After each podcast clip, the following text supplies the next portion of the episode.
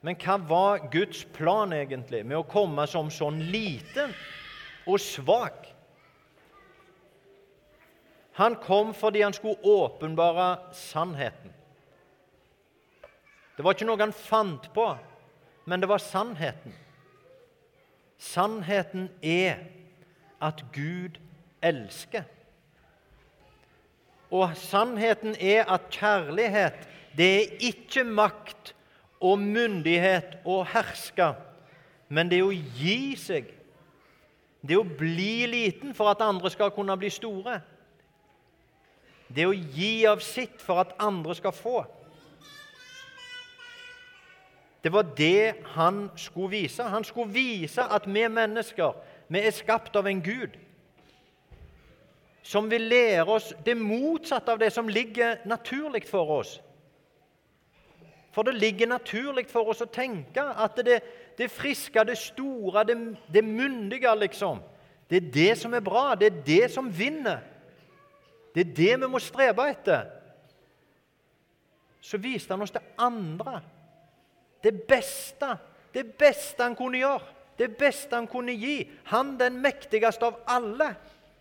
Det var å bli bitte liten og veldig svak og unnselig for å vise at det er der Det er der han er, det er der han møter oss.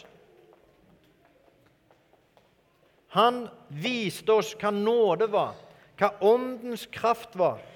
Han viste oss hvordan vi skulle leve, og han starta en ny bevegelse blant oss mennesker som han har skapt, som snudde opp ned på veldig mange ting. Tenk bare!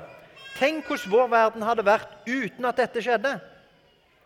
Har dere tenkt på hvor mange ting i vårt samfunn og i vår kultur som er helt radikalt annerledes enn det vi kunne forestilt oss at det skulle vært, uten at dette skjedde? Vi, vi sier f.eks. 'kvinner og barn først', sier vi, hvis noen skal reddes fra et synkende skip. liksom. På Jesu tid så tar de menn og voksne først, sa de. Det er helt motsatt. Menn og voksne først, sa de. Vi sier at vi må jo tilgi hverandre. Tilgivelse. Det å kunne tilgi når noen har gjort noe galt, og ikke hevne. Det er noe som Jesus har brakt oss. Det å bry oss om de svake, de syke, de som ikke yter noe i samfunnet. At vi skal bry oss om dem. Ta vare på dem, bruke penger på det. Det er noe Jesus har lært oss. Han har snudd opp ned på ting. Gud når han gjorde Jesus så liten og viste at det var det svake, og at det var oss mennesker vi har den samme verdi uansett. Så vi kan spørre virker det. Ja, jammen virker det. Guds plan om å komme som en liten. Jammen virker det. Se her, da.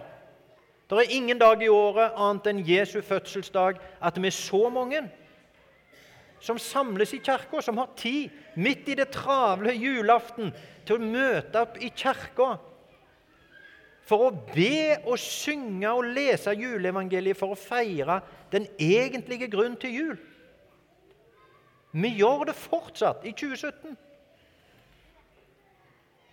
Det har lykkes Gud i å komme til menneskene og vise at det er noe annet. Og på hele kloden så er det hundrevis av millioner av mennesker som akkurat i dag og i morgen feirer jul. Feirer at han kom.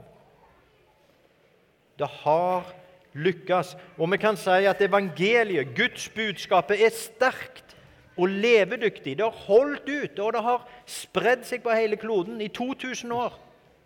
Og det er nesten overalt. Så vi kan si at du tåler jo alt, dette her. Det går fram uansett. Og så vet vi samtidig at det går fram der det blir tatt imot. Det er stort og kraftig liksom på verdensplan og i verdenshistorien, men det er svakt og skjørt hos den enkelte av oss. Tenk så fort, tenk så lite som skal til før andre ting tar plassen. Før vi blir spora av. Før det ikke fikk noe betydning allikevel lenger. Hvor mange er det ikke òg blant oss som hadde kanskje Som hadde dette stort i livet sitt, og så fallerte det av en eller annen grunn. På korte tid, kanskje. Fordi, ikke, fordi det var, ikke fordi at vi tok liksom avstand, men det ble så mye annet. Det er skjørt i våre liv, og så er det mektig i historien. Fordi det følger der som noen tar imot. Det følger der som noen tar imot, og vi er heldige. For vi bor en plass, og vi er en plass hvor mange tar imot. Mange møter opp og skaper denne opplevelsen av at vi samles, folkens. For det som egentlig er jula sitt budskap. Han kom til oss, han lever. Det er sant. Det har forandra livet vårt, og det skal forandre livet vårt. Det skal prege samfunnet vårt, det skal prege historien vårt sånn som det har gjort det. Vi holder fast på det. Vi tilber Han, vi leser Ordet, vi ber. Og vi minnes at Gud kom til oss, født i Betlehem, under åpen himmel nærmest. La oss be.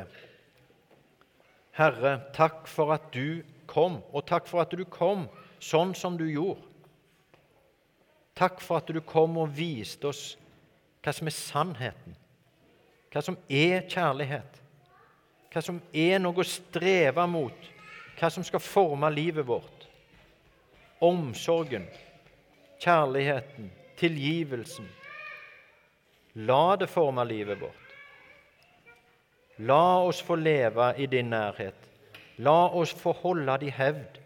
La oss fortsatt få be og lese og tilbe og synge og feire, sånn at det ikke stopper med oss, Herre, men at vi som er så heldige, vi som er så mange, vi som får feire på denne måten at vi holder det i hevd, sånn at ditt ord kan leve og gå fram hos oss og hos alle mennesker. I Jesu navn. Amen.